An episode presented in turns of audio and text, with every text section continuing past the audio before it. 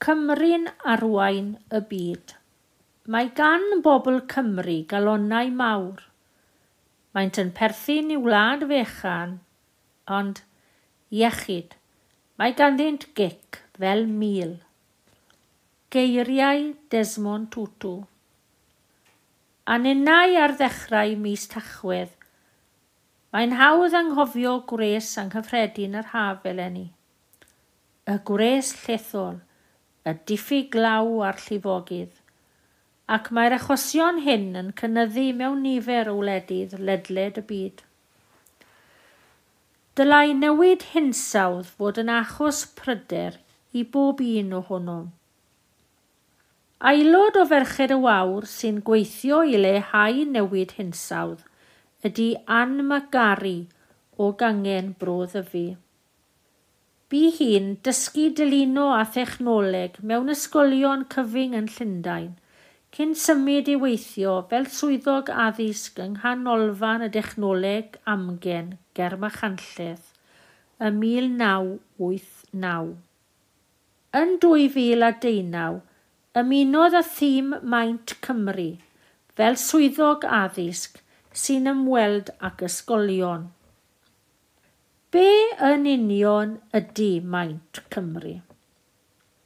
Elusen Gymreig unigryw gyda'r nod o gynnal ardal o fforest drofannol ddwy waith maint Cymru fel rhan o'i hymateb i newid hinsawdd.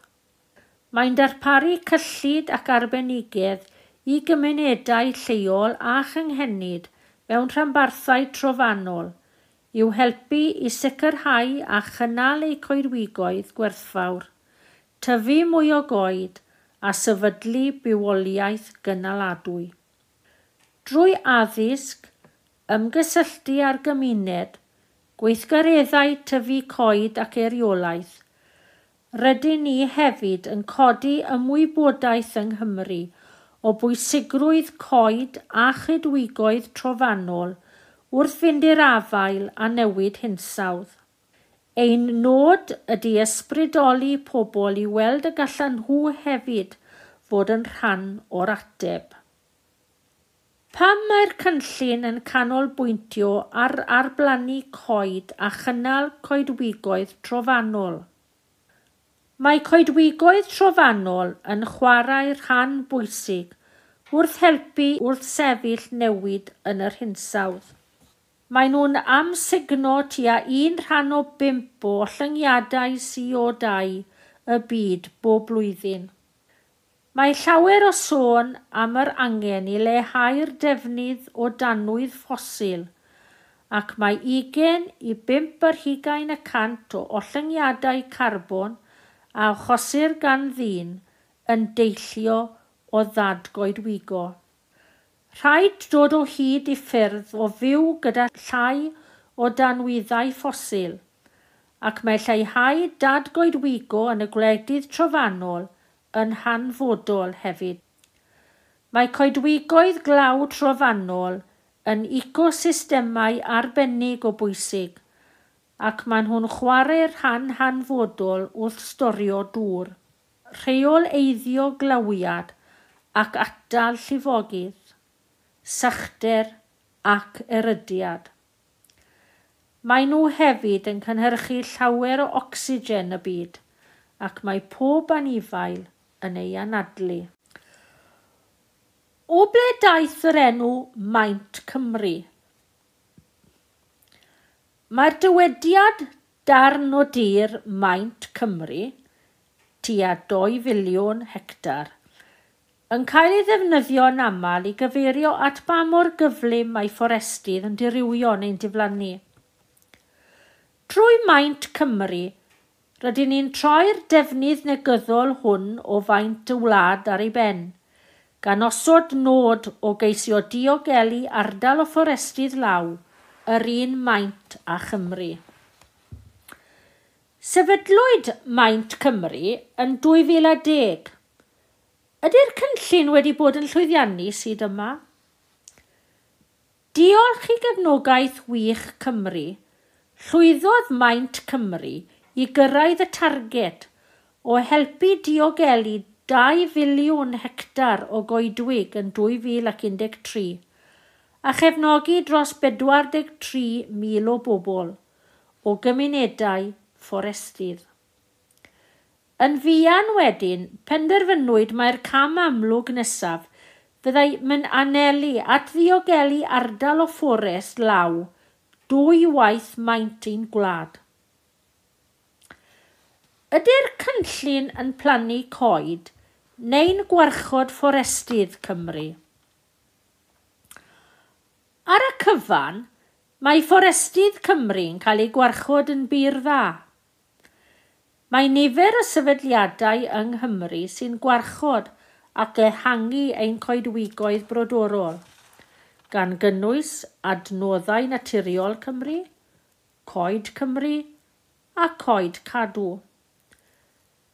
Rydyn ni'n gweithio mewn partneriaeth a Llywodraeth Cymru, adnoddau naturiol Cymru a coed cadw ar ei rhaglen plant a sefydlwyd yn 2008.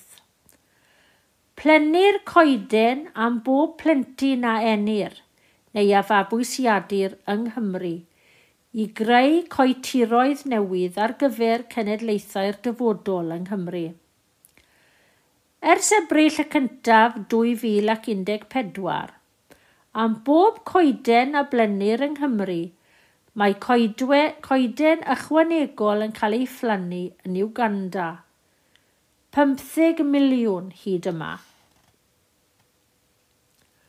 Ydy gwledydd eraill yn gwneud yr un peth? Yn anffodus, Cymru ydy'r unig gwlad yn y byd sy'n diogelu ardal o goedwi glaw ddwywaith ei maint ei hun. Ond y gobaith ydyw y bydd gwledydd eraill yn cael eu hysbrydoli gan yr hyn yr ydym yn ei gyflawni. Dywedwch ychydig am eich rôl chi hefo maint Cymru.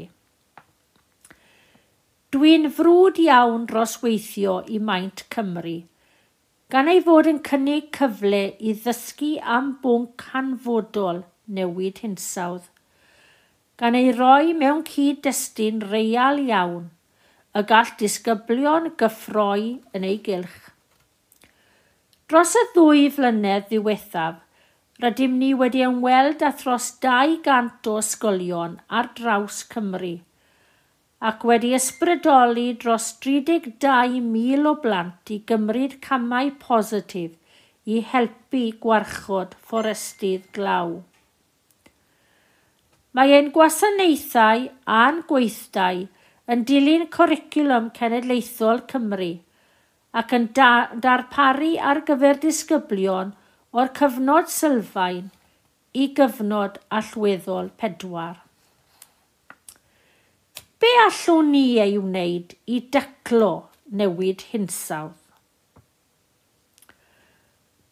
Y peth pwysicaf ydy lleihau'r ynni yr ydy ni yn ei ddefnyddio, yn ein ceir, cartrefi ac ati, a meddwl am y nwyo'n tŷ gwydir sy'n cael eu cynhyrchu o'r pethau yr ydy ni yn ei prynu.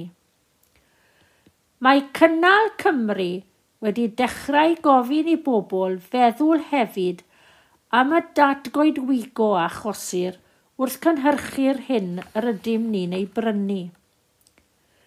Mae ardaloedd cynyddol o goedwig trofannol yn cael ei dinistrio i wneud lle ar gyfer olew palmwydd, coffi, coco, gwertheg beef a soia a ddefnyddir yn bennaf ar gyfer bwyd anifeiliaid.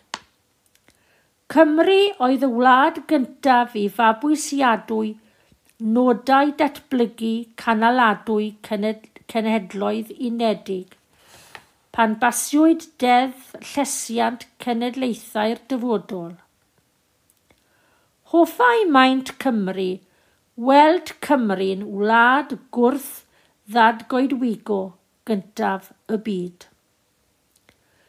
Gallwn ymfalchio yn y ffaith fod Cymru'n arwain y ffordd gyda chynllun maint Cymru. Yng ni Nikhil Seth llefarydd ar ran y cenhedloedd unedig. Yr hyn mae Cymru yn ei wneud heddiw, bydd e y byd yn ei wneud y fori.